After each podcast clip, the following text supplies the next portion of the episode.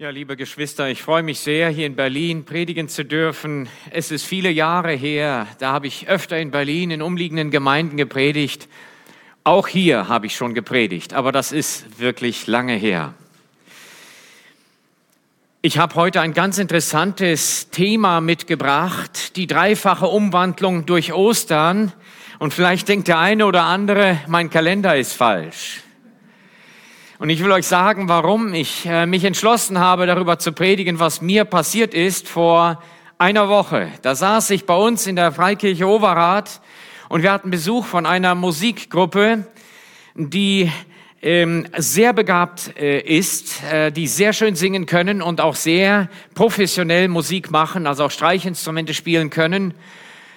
Und ich habe sie eingeladen und sie haben laufend von Ostern gesprochen von der Auferstehung Jesu, dass das das wichtigste Ereignis ist in der Weltgeschichte. Und ich war so erbaut und die Gemeinde war so erbaut und dann sagte der äh, Bruder, der Herr ist auferstanden und die ganze Gemeinde sagte, wahrhaftig auferstanden, obwohl Ostern vorbei ist. Und dann habe ich gedacht, ich habe eine Idee. Ich muss am äh, Sonntag hier in Berlin predigen dann sollen sie ruhig alle glauben, dass ich einen falschen Kalender habe, aber sie sollen wissen, dass ich an den richtigen Herrn glaube. Der Herr ist auferstanden. Amen. Glaubt ihr das wirklich? Der Herr ist auferstanden. Amen. Ich habe heute eins vor. Ich möchte heute über dieses Thema, die dreifache Umwandlung durch Ostern sprechen. Und ich hab, bin davon ganz fest überzeugt, dass der Gläubige, der hier ist, erbaut wird, und der, der Jesus nicht kennt, genau weiß, was zu tun ist, um das zu ändern. Ich habe also für alle, die hier ist, etwas dabei. Die dreifache Umwandlung durch Ostern. Der Predigtext steht in Lukas 24, Vers 5. Da sprachen die Engel, was suchet ihr den Lebendigen bei den Toten? Er ist nicht hier, er ist auferstanden. Die Engel am leeren Grab bezeugten den Frauen die neue Wirklichkeit. Jesus von Nazareth ist nicht im Tod geblieben. Es ist eine Wirklichkeit, eine Tatsache. Und das konnten alle Jünger und auch alle Feinde Jesu sehen. Er ist auferstanden, er lebt. Und über drei Punkte möchte ich heute nachdenken, welch große Umwandlung mit der Auferstehung verbunden ist. Erstens, Mächtige werden ohnmächtig und Ohnmächtige werden mächtig.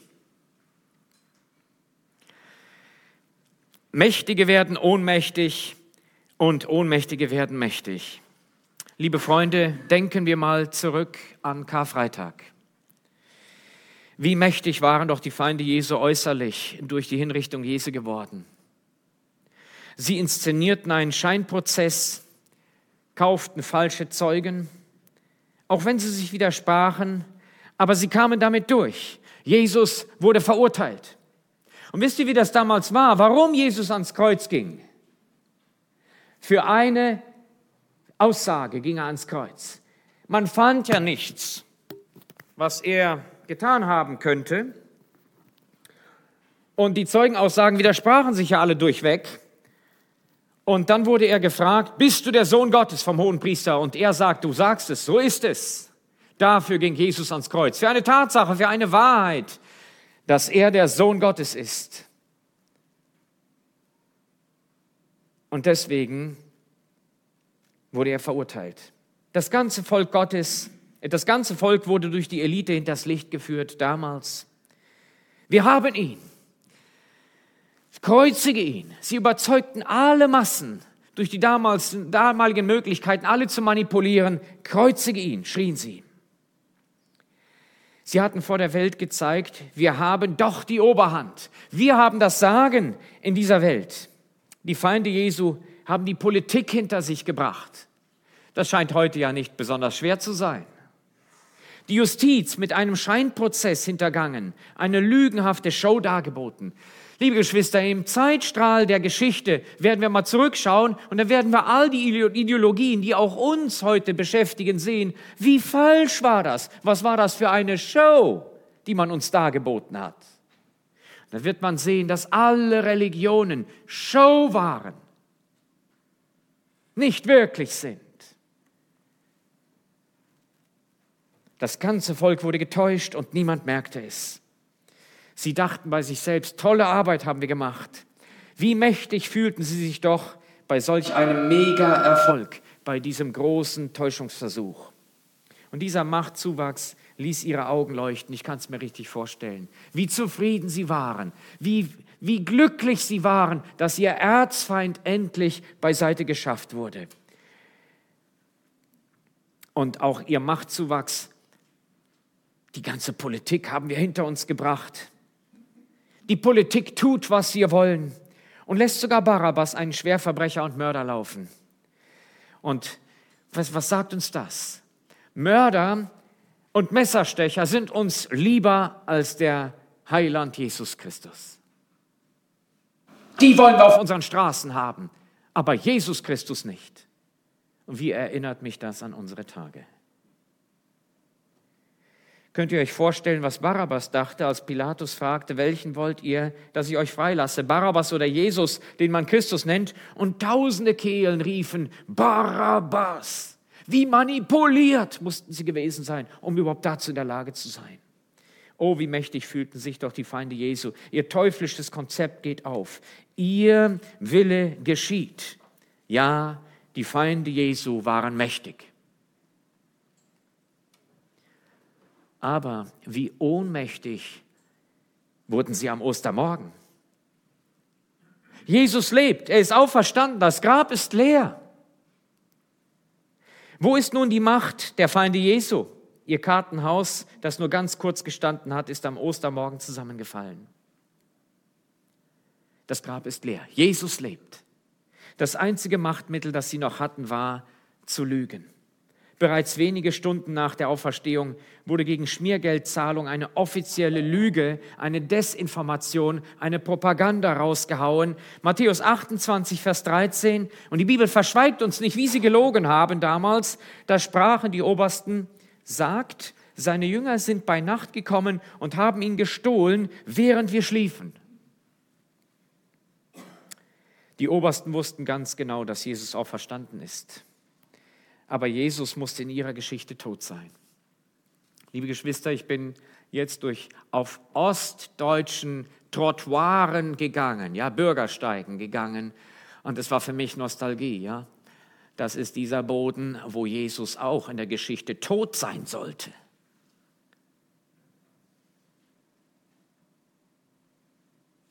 Und so haben viele Ideologien die eine die andere abgewechselt. In dieser Ideologie musste Jesus tot sein. Aber jetzt äh, überlegt mal diese Lüge, wie, wie leicht man diese Lüge, dass die Jünger bei Nacht gekommen sein sollten und Jesus gestohlen haben, wie leicht man sie enttarnen kann.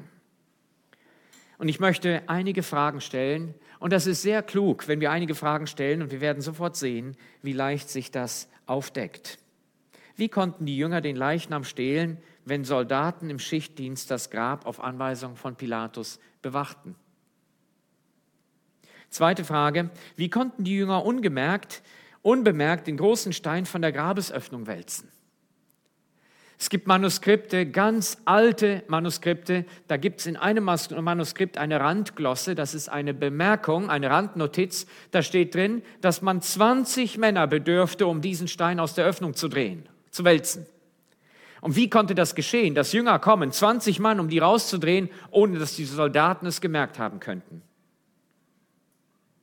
Wie kann es sein, dass, bei der, dass die Soldaten bei der Wache einschlafen, wenn Todesstrafe darauf steht? Wollen wir mal das überlegen? Ich weiß nicht, wie es dir geht. Wenn ich weiß, dass ich den Kopf kürzer gemacht werde, wenn ich einschlafe, dann schlafe ich nicht ein. Ich habe diese Nacht nicht gut geschlafen. Das lag aber nicht, dass mir was Böses droht. Aber einem Soldaten, das war Todesstrafe. Und jetzt die zweite Frage, wie kann es, eine weitere Frage, wie kann es denn sein, dass alle Soldaten einschliefen? Wenn einer einschläft, gut, dann muss der aufpassen, dass der andere ihn nicht verpetzt, aber wie können alle einschlafen? Und dann eine weitere logische Frage, woher wussten Sie, dass es die Jünger waren, die ihn gestohlen haben? Sie haben doch geschlafen. Und ich weiß nicht, wie es euch geht. Wenn ich schlafe, weiß ich nicht, wer kommt und wer geht. Sonst schlafe ich ja nicht. Und dann die weitere Frage, warum zahlt man Schmiergeld an Soldaten, wenn es doch die Wahrheit ist? Niemals wird Schmiergeld bezahlt, wenn es die Wahrheit ist. Immer nur dann, wenn es korrupt ist, wenn es eine Lüge ist, wenn es eine Propaganda ist.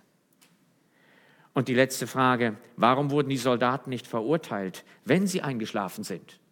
Das ist doch eine Straftat. Die müssten ja eigentlich vors Gericht und verurteilt werden. Aber sie laufen mit dem Schmiergeld frei herum. Wie kann das sein? Wir merken also durch einfache Fragen, es ist eine platte Lüge gegen die Auferstehungswahrheit. Aber die Tatsache ist, Jesus lebt.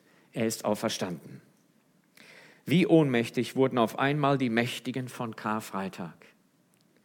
Erschrocken vor der Auferstehungswahrheit bleibt ihnen nur eine Möglichkeit übrig, erbärmlich zu lügen. Und da kann man fragen, wo ist ihre Macht geblieben? Sie sind ganz still geworden und hoffen, dass so wenige wie möglich ihre peinliche Lüge hinterfragen oder sie bemerken. Wir halten also fest, die Mächtigen von Karfreitag sind die Ohnmächtigen am Ostermorgen. Schauen wir nun zu den Jüngern. Wie ohnmächtig waren sie an Karfreitag? Sie waren davongelaufen, alle Träume zerplatzt. Sie hatten sich in alle Winde zerstreut. Der mutigste unter ihnen, Petrus, hat Jesus zuvor verleugnet und ist irgendwo. Die Ereignisse waren über sie hinweggegangen und hatten sie völlig mutlos und enttäuscht gemacht. Ich kann mir das so vorstellen, wie depressiv waren sie. Wisst ihr, warum ich mir Depression gut vorstellen kann? Weil ich oft Stunden in meinem Hirn hatte, wo es auch so dunkel war. Dunkel.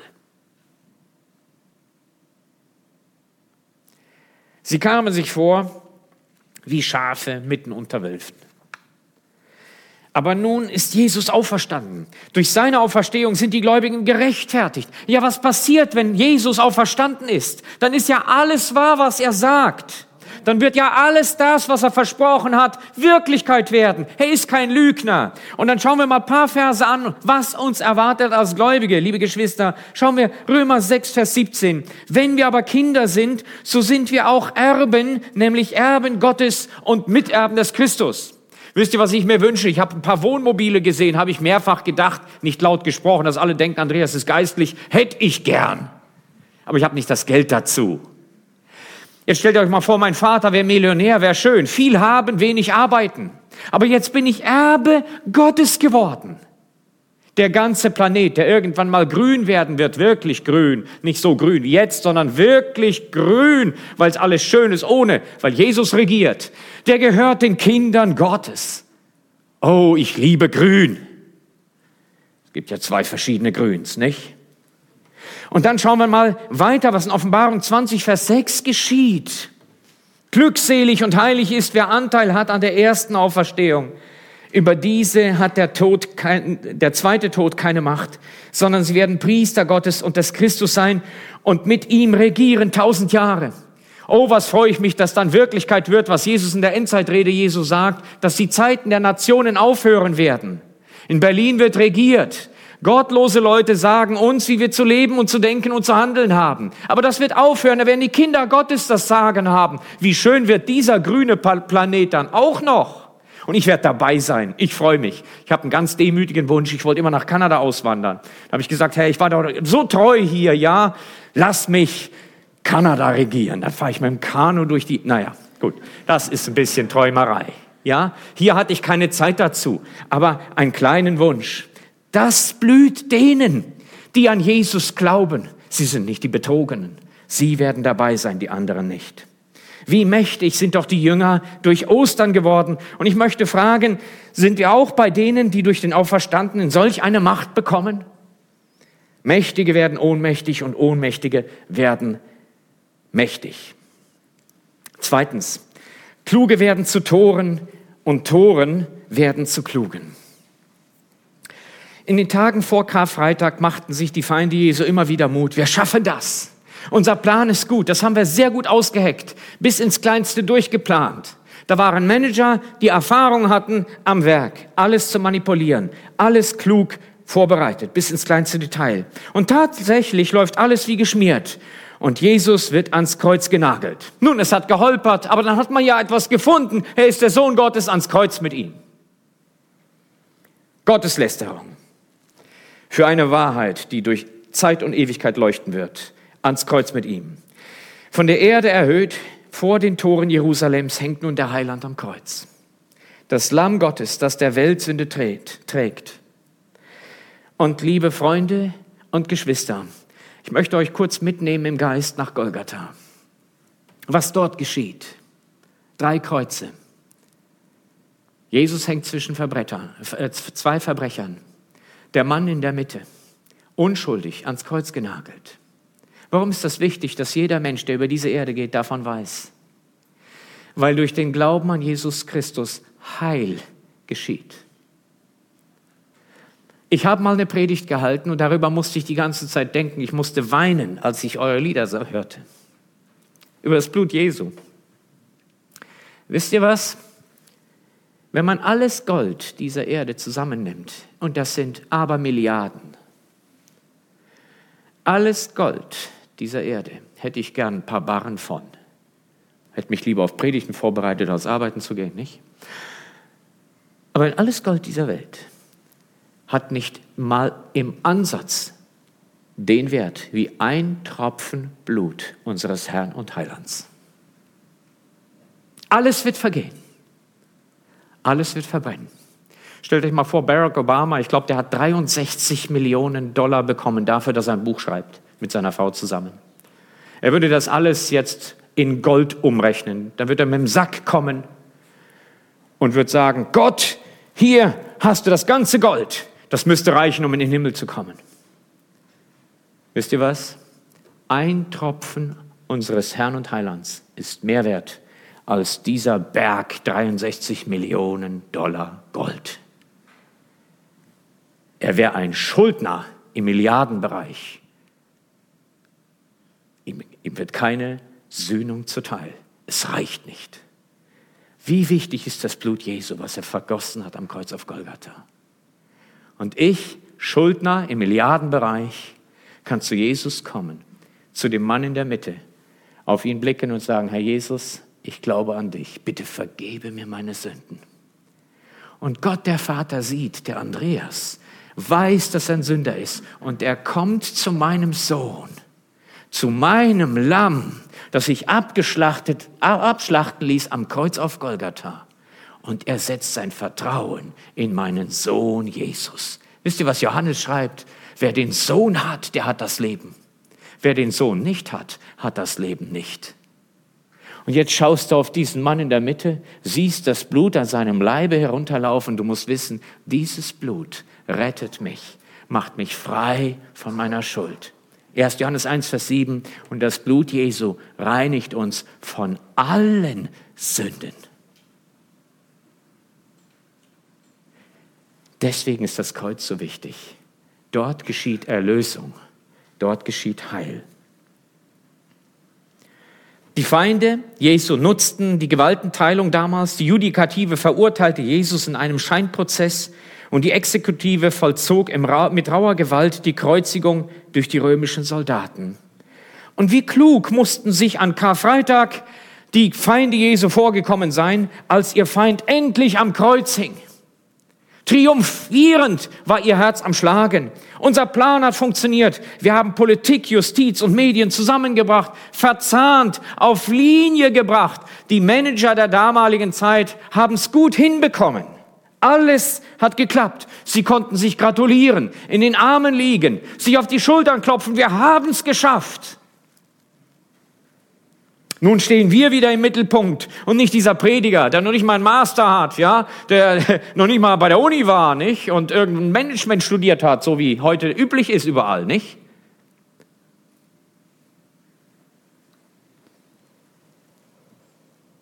Nun halten die Menschen uns für die Wichtigen und nicht mehr diesen Nazarener da aus der Provinz, den einige vorher noch sogar zum König machen wollten. Noch an Palmsonntag ritt er auf einem Esel ein, da haben sie alle gesagt, Hosianna, dem Sohn Davids. Hosianna, dem, der da kommt. Und alle wussten, es ist der König, der Nachkomme Davids. Da haben sie, was für eine Täuschung. Aber jetzt sind wir die Wichtigen. Und während sie noch nun auf das Kreuz blicken, die Feinde Jesu, an dem ihr blutüberströmter Erzfeind hängt, erfährt ihr Herz böse Genugtuung, Zufriedenstellung, Zufriedenheit über das, dass ihr Konkurrent ausgeschaltet ist. Wisst ihr, das ist wie bei einem bösen Film. Wenn ein böser Mensch Freude hat am Leid seines Opfers. Wisst ihr, was das ist? Teuflisch. Schadenfreude in, in den Gesichtern der Klugen. Sie konnten triumphieren. Seht ihr, unsere Mühe hat sich gelohnt. Wir haben recht gehabt. Unsere Prognosen sind alle eingetreten. Wir haben viel beraten, wie wir diesen Jesus von Nazareth loswerden können. Manchmal sah es so aus, als ob, als ob wir nichts gegen ihn ausrichten könnten. Aber schließlich haben wir unsere, durch unsere Klugheit den lästigen Konkurrenten doch ausgeschaltet. Wir haben es geschafft. Und nun ist Ostermorgen. Jesus ist auferstanden. Jesus lebt und das Grab ist leer. Und ich möchte fragen, ihr Klugen, wo ist nun eure Klugheit am Ostermorgen? Gestern wart ihr noch die Klügsten, nicht? Wie hattet ihr doch eure Pläne so gut eingefädelt, alles so gut inszeniert? Aber nun seid ihr die als Toren entlarvt und eure Torheit wird bis in die Ewigkeit immer deutlich offenbar. Ich stelle mir das so in der Hölle vor, da wird es ja Finsternis sein. Jesus sagt, dass es finster ist, der Ort der Qual, wo der Rauch, aufsteigt, der Rauch ihrer Qual aufsteigt von Ewigkeit zu Ewigkeit. Ich weiß nicht, ob man sich da sehen kann, aber ich gehe davon aus, dass man sich da schon irgendwie erkennen wird, ja? Wo werden sich die Feinde Jesu verstecken können, wenn alle wissen, dass das der Propagandist der damaligen Zeit war? Wo soll Lenin sich bitte schön verstecken? Oder der Charles Darwin? Wo soll er denn hin, wenn er die halbe Welt, die ganze Welt damals verführt hat, wenn die Augen mit glühendem Zorn und des Hasses auf ihn blicken, weil alle wissen, dass er die Menschen mit dieser Theorie verführt hat? Wohin? Wo soll er hin? Und da werden sie als Toren entlarvt auf Zeit und Ewigkeit. Ihr habt eure Rechnung nicht mit Gott gemacht. Und wer in diesem Leben nicht mit Gott rechnet, ist ein armer Narr für Zeit und Ewigkeit. Sprüche 26, Vers 12. Siehst du einen Mann, der sich selbst für weise hält, so kannst du für einen Toren mehr Hoffnung haben als für ihn. Gott hat keinen, keine Hoffnung für jemanden, der Jesus nicht angenommen hat und sich selbst dabei noch für weise hält. Ihr habt euch für so weise gehalten, dass ihr noch nicht einmal gemerkt habt, dass ihr Schritt für Schritt erfüllt habt, was die Propheten vorausgesagt haben. Diese Feinde Jesu wurden Schritt für Schritt Erfüllungsgehilfen des Allmächtigen. Wider Willen. Und so ergeht es allen Klugen, die Gott nicht auf ihrer Rechnung haben. Menschen, die ohne Gott leben und sich dabei selbst für weise halten, für die ist keine Hoffnung da. Und Ostersonntag zeigt uns, Kluge werden zu Toren und Tore werden zu Klugen. Liebe Geschwister, schwenken wir unseren Blick nun auf die Jünger Jesu. Wie töricht sahen die Jünger aus vor Ostern. Welch eine Depression stand in ihren Gesichtern. Die Welt konnte ihnen triumphierend vorhalten, ihr habt auf den falschen Mann gesetzt. Jetzt seid ihr die Dummköpfe unserer Zeit. Ihr seid die Narren unserer Tage. Ihr wusstet ja immer alles besser. Ihr musstet ja immer querdenken. Und wir haben es euch doch gesagt. Ihr wolltet euch ja nicht mit uns eins machen. Ihr wollt ja nicht mit dem Strom gehen. Ihr wollt nicht mit der Mehrheitsmeinung mitgehen. Ihr wollt ja immer gegen den Strom gehen, nicht wahr? Uns glaubt ihr ja nicht. Ihr wolltet euch nicht anpassen. Würdet ihr auf unserer Seite stehen, wäret ihr jetzt die Gewinner. Und jetzt wo ist euer Erlöser? Er ist tot, schaut selbst. Unser Hauptmann hat's geprüft, mit dem Speer in die Seite. Ist nur Blut und Wasser rausgeflossen. Er ist tot und auf den habt ihr euer Glauben gesetzt, euer Vertrauen gesetzt. Ihr seid die Dummköpfe unserer Zeit. Oh, was erinnert mich das an meine Tage?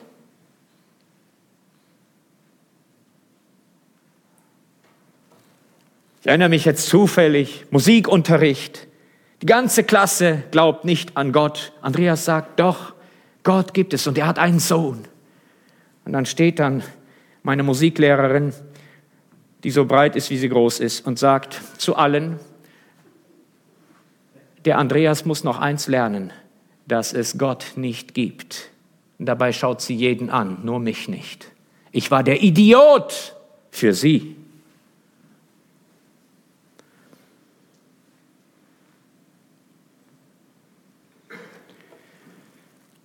Jetzt seid ihr die Betrogenen. Ihr habt euch verführen lassen, an diesen Mann aus Nazareth zu glauben. Ja, so sahen die Jünger aus an Karfreitag. Von allen wurden sie für töricht gehalten, für Narren, die es nicht besser verdient haben. Aber, liebe Geschwister, die Ostergeschichte, in dieser Geschichte geschieht eine Umwandlung. Kluge werden zu Toren und Toren werden zu Klugen, denn Jesus ist auferstanden. Gott hat ihn auferweckt. Er lebt. Das Grab ist leer. Wie wundersam.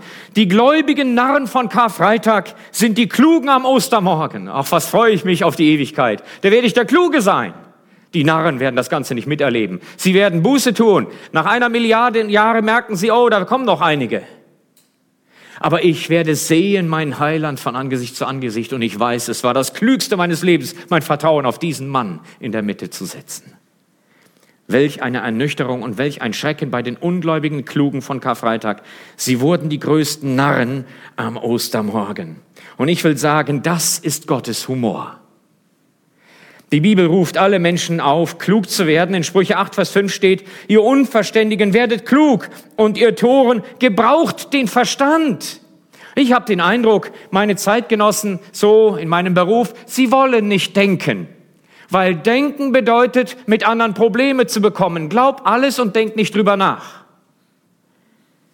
Die Bibel sagt, gebraucht den Verstand. Gott hat ihn euch gegeben. Denkt nach, stellt kluge Fragen, wie wir es zuvor gemacht haben. Jesus lebt. Er ist auferstanden. Das ist das größte Wunder, das wir uns Menschen vorstellen können. Es ist das historisch best dokumentierte Weltereignis, dass Jesus auferstanden ist. In der Bibel, aber auch außerbiblische Quellen. Selbst die Feinde haben nicht geleugnet, dass das Grab leer ist.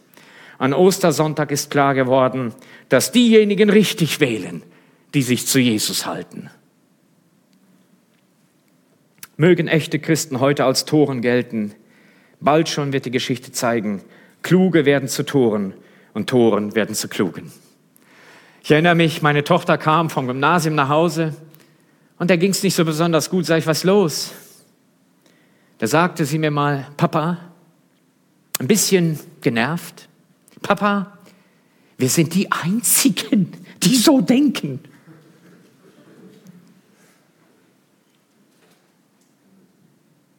Die ganze Schule denkt anders. Ja. Aber die Dummen dieser Zeit werden die Klugen, weil Jesus lebt und kommt. Und das wird in alle Ewigkeit noch klarer, wenn wir den Auferstandenen wiedersehen, der alle zu sich nehmen wird, die sich zu ihm bekehrt haben. Und wie entsetzt werden die Klugen der Welt auf den Heiland blicken, der auferstanden ist und lebt und wiederkommt, wenn sie ihre, mit ihren Augen selbst erkennen, dass sie die Narren sind auf Zeit und Ewigkeit. Denn sie wollten den Heiland nicht. Und so wird es ihnen geschehen, so wie sie wollten. Sie werden ohne einen Heiland vor einem zornigen Gott stehen, von dem die Bibel sagt, dass es furchtbar ist, vor ihm zu stehen, in seine Hände zu fallen. Und Jesus sagt, wie ihre Zukunft aussehen wird in Matthäus 25, Vers 46. Und sie werden in die ewige Strafe hingehen. Die Gerechten aber in das ewige Leben. Das sagt der, der nicht lügen kann. Ich will mein Vertrauen auf den setzen, der nicht lügen kann. Auch wenn es jetzt vielleicht nicht bequem ist. Aber die Umwandlung meines Lebens kommt schon bald. Und ich freue mich drauf. Und du kannst wählen. Wo wirst du sein? In der ewigen Strafe? In der ewigen Gottesferne, dort, wo Dostoevsky sagt, wo Gott nie wieder hinschaut. Die Hölle ist der Ort, wo Gott nie wieder hinschaut, hat Dostoevsky gesagt. Und da hat er recht mit. So wird es kommen. Kluge werden zu Toren und Tore werden zu Klugen. Drittens, Fröhliche werden traurig und Traurige werden fröhlich.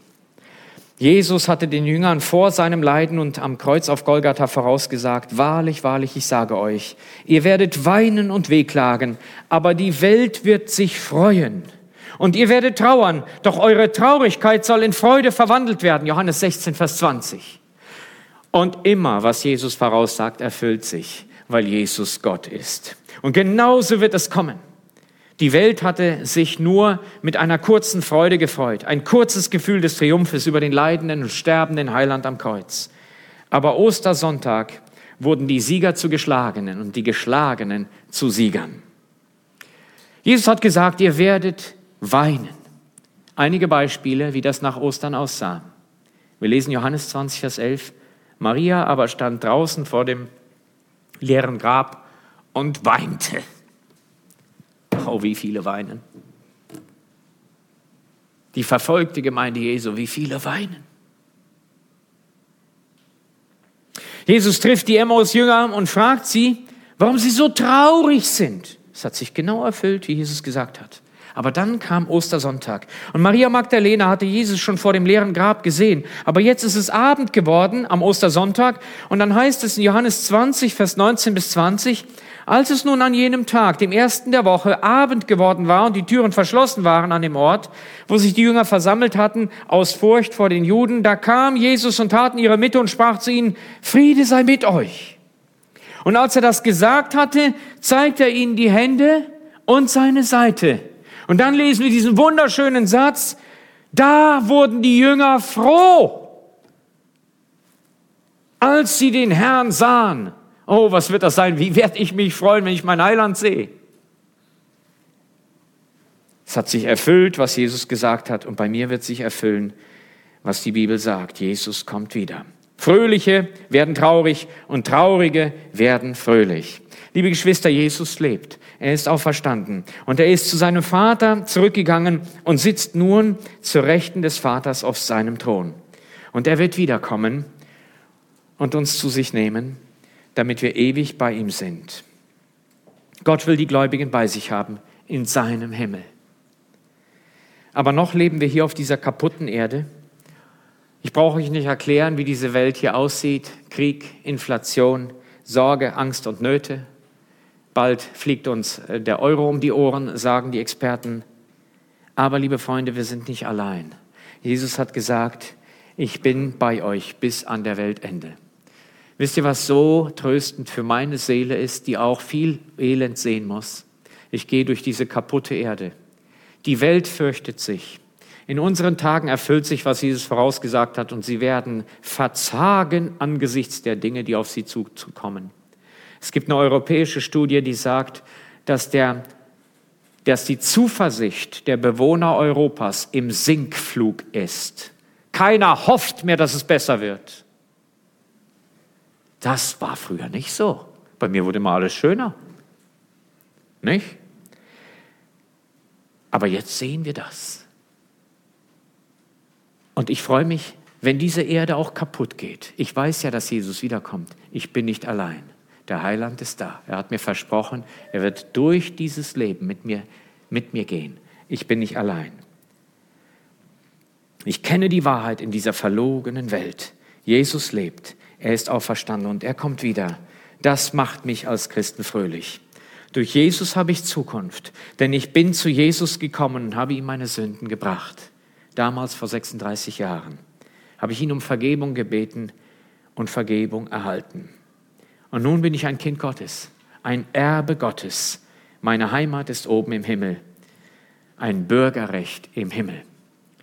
Ich weiß nicht, wir alle haben einen Personalausweis. In Deutschland bekommt man den ab 16 Jahren.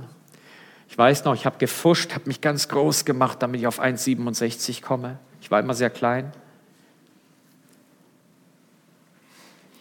Und da steht drin, Deutsch, Staatsangehörigkeit Deutsch. Wisst ihr, wir haben einen geistlichen Pass. Wisst ihr, was dort steht für Gläubige? Himmel. Unser Bürgerrecht ist im Himmel. Und das nimmt mir niemand weg, egal welcher Atomkrieg kommen sollte. Mein Bürgerrecht ist im Himmel. Was für ein Trost. Wir alle suchen nach Sicherheit auf dieser Welt. Ich habe sie. Himmel. Ist das nicht Trost? Ich gehe durch diese Welt zusammen mit Jesus dem letzten großen Auferstehungstag entgegen. Ich möchte dir noch eine ganz wichtige Wahrheit über die zwei Auferstehungen weitergeben, die du wissen musst. Es gibt zwei Auferstehungen. Eine gute Auferstehung und eine schlimme Auferstehung. Die gute Auferstehung ist die erste Auferstehung und die schlimme Auferstehung ist die zweite Auferstehung. Bei der ersten Auferstehung sind die Gläubigen dabei Nur die Gläubigen. Und bei der zweiten Auferstehung sind die dabei, die Jesus nicht wollten. Bei der ersten Auferstehung sind die dabei, die auf Jesus geschaut haben und gesagt haben, Jesus, ich habe das Blut gesehen, das du vergossen hast am Kreuz. Ich glaube an dich und bitte dich um Vergebung. Mir tut es leid. Wisst ihr, worüber ich staune? Dass ich, Andreas, der größte Sünder, den ich kenne, Tränen habe, wenn ich an das Blut Jesu denke. Ich verstehe es nicht. Ist ein Wunder von Gott, weil ich bin eigentlich ein super Egoist. Und mir ist alles egal. Aber Gott hat mich verändert. Ich schaue aufs Kreuz und sage, das hast du gemacht. Du hast mich errettet. Und ich denke jetzt, wie Jesus denkt. Und Jesus lebt in mir und lebt mein Leben. Ich staune. Und dann habe ich noch dieses wunderbare Vorrecht, in den Himmel zu kommen, weil in meinem geistlichen Pass steht Himmel. Wie wunderbar. Und wenn Gott die Gläubigen rufen wird, das ist eine kleine Gruppe aus der ganzen Menschheit, die werden auferstehen aus den Toten. Und wenn ich jetzt noch lebe, dann bin ich dabei. Mein Opa ist gestorben, am gleichen Tag haben wir uns bekehrt in Bonn, 1986, glaube ich. Im September irgendwann. Er ist schon lange beerdigt. Er wird auferstehen, wenn Gott ihn ruft. Und wir werden gemeinsam ihm entgegen in die Luft und werden beim Herrn sein, alle Zeit, sagt die Schrift. Das ist die erste Auferstehung, die gute Auferstehung. Aber dann gibt es eine zweite Auferstehung. Das ist die schlimme Auferstehung. Das sind die, die Jesus nicht wollten. Und sie werden auch auferstehen, wenn Gott sie ruft, große und kleine. Und sie werden vor dem weißen Thron stehen. Und auf dem weißen Thron sitzt der Herr Jesus. Und wisst ihr, was dann geschieht? Dann heißt es, und es werden Bücher aufgetan. Oh, Bücher voller Schuld. Weißt du, alles dokumentiert. Gigabyte für die, die EDV machen. Bücher voll von Sünden. Einer meiner Freunde spottete mal, sagt, oh, da muss Gott bei mir aber viele Bücher haben. Ist kein Problem. Er hat genug Gigabyte für dich. Kein Problem. Und dann wird alles offenbar und sie werden gerichtet. Und ein jeder, der nicht gefunden wird im Buch des Lebens, wird gerichtet nach den Werken. Und sie werden hinausgeworfen in, die, in den Feuersee. Das ist der zweite Tod. Das ist die Hölle. Das geschieht viel, viel später als bei der ersten Auferstehung. Und lieber Freund, jetzt weißt du, es gibt diese zwei Auferstehungen und du kannst wählen, bei welcher Auferstehung wirst du dabei sein? Bei der ersten, die gute, wo alle Gläubigen dabei sind, oder bei der zweiten? Fakt ist, den Auferstandenen wirst du sehen. Jeder von euch wird ihn sehen.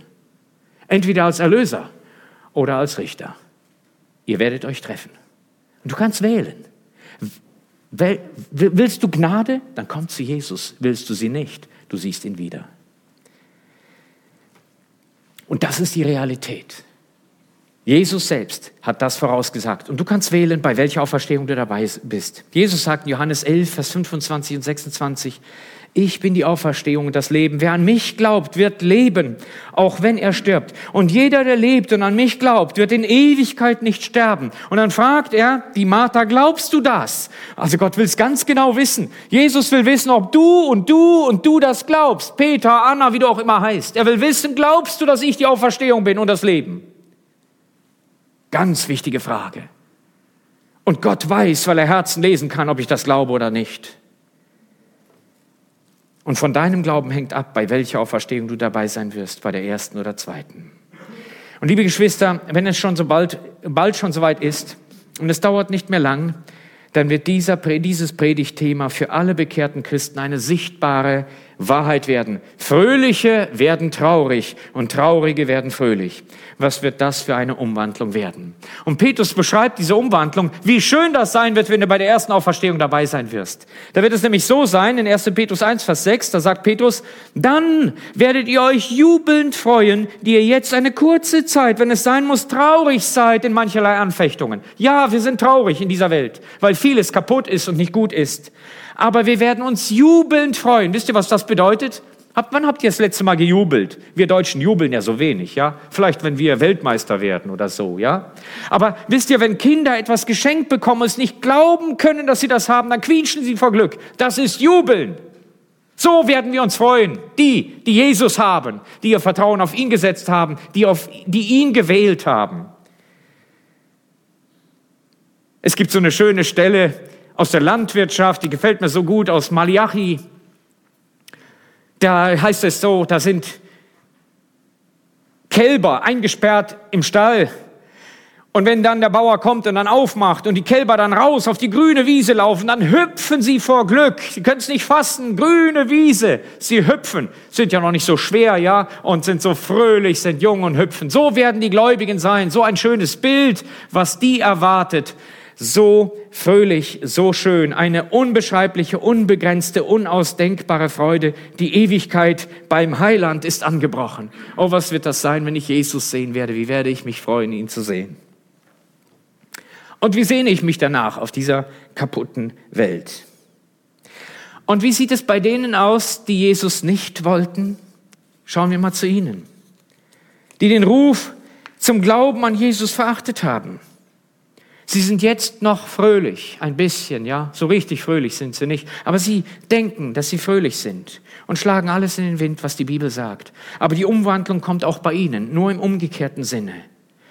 Diese erschreckende Umwandlung macht der Scheinfreude der Welt für immer ein Ende und stürzt alle Unerlösten in die große, ewige Traurigkeit, weil sie Jesu Ruf verachtet haben.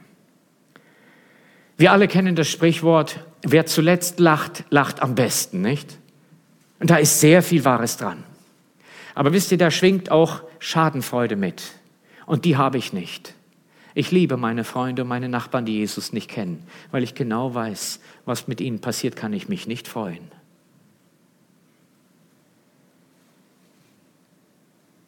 Fröhliche werden traurig und Traurige werden fröhlich und ich weiß, dass das kommt. Denn alle gehen ihrer Auferstehung entgegen, entweder der ersten oder der zweiten. Der Herr wolle uns bewahren und retten davor, dass wir nicht in den Reihen derer gefunden sind, werden, die bei der ersten Auferstehung dabei sind. Liebe Geschwister, unser Predigtthema war eine dreifache Umwandlung durch Ostern. Erstens, Mächtige werden ohnmächtig und Ohnmächtige werden mächtig. Zweitens, Kluge werden zu Toren und Toren werden zu Klugen. Und drittens, Fröhliche werden traurig und Traurige werden fröhlich. Welche Umwandlung wird bei dir geschehen? Weißt du, du kannst wählen, welche dich erwartet. Ich möchte zum Schluss etwas an die Gläubigen richten und dann etwas an die, die noch nicht kennen. Wenn du an Jesus glaubst, will ich dir sagen, ich will dir gratulieren, lieber Bruder, liebe Schwester, die klügste Entscheidung deines Lebens. Du hast Jesus. Wer den Sohn hat, hat das Leben. Das war das Beste, was du mit deinem Leben anfangen konntest. Ich habe mich so gefreut für jedes meiner Kinder, als die sich bekehrt haben zu Jesus. Es war für mich ein Fest. Herr Jesus, aber noch die anderen drei. Ich habe ja vier Kinder, also jede Menge, nicht? Und dann, einer wurde gläubig. Und dann haben wir gebetet, wann kapiert der das auch? Und dann wird der gläubig. Und dann hat es lang gedauert und dann ein ganzes Jahr nach dem zweiten Jahr und dann, oder zwei Jahre, das war lang. Und wir haben gebetet und dann der nächste und jetzt sind sie alle gläubig. Was für eine Freude. Ich gratuliere dir für diese klügste Entscheidung, die du machen konntest, dass du dem Herrn Jesus dein Vertrauen schenkst. Glaube ist ein Geschenk von Gott, aber du musst einwilligen. Und wem vertraust du? Schau auf den Mann in der Mitte, der nicht lügen kann und nehme Vergebung in Anspruch. Du hast es gemacht, ich freue mich darüber. Und jetzt für diejenigen, die Jesus noch nicht angenommen haben. Du weißt, was dann passiert. Du weißt, es gibt die zweite Auferstehung. Und da werden die Fröhlichen traurig. Sehr traurig. Aber ich will dir eine frohe Botschaft sagen. Es ist die letzte schöne Botschaft, die ich in Berlin halten werde für eine gewisse Zeit. Das muss nicht so bleiben. Du kannst auf Jesus blicken, zu ihm kommen und sagen, Herr Jesus, ich habe erkannt, dass du der Sündenheiland bist. Vom Kopf her wusste ich das, aber ich habe noch nicht die Entscheidung getroffen. Und du kannst es jetzt festmachen mit Jesus.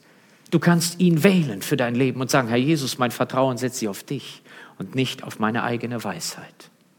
Du kannst kommen zu, zu Jesus am Kreuz, dort, wo er sein Blut vergossen hat. Und du weißt, dass sein Blut dich von Sünden abwäscht. Ich habe mir heute mehrfach die Hände gewaschen, damit sie sauber sind unter Wasser. Du kannst drei Stunden duschen, du wirst nicht von Sünden rein. Aber du kannst zu Jesus kommen, um Vergebung bitten. Und sein Blut macht dich rein von Sünde. Du stehst dort ohne Sünde in einem weißen Gewand der Vergebung, weil Jesus vergeben hat. Das wünsche ich dir von ganzem Herzen. Amen.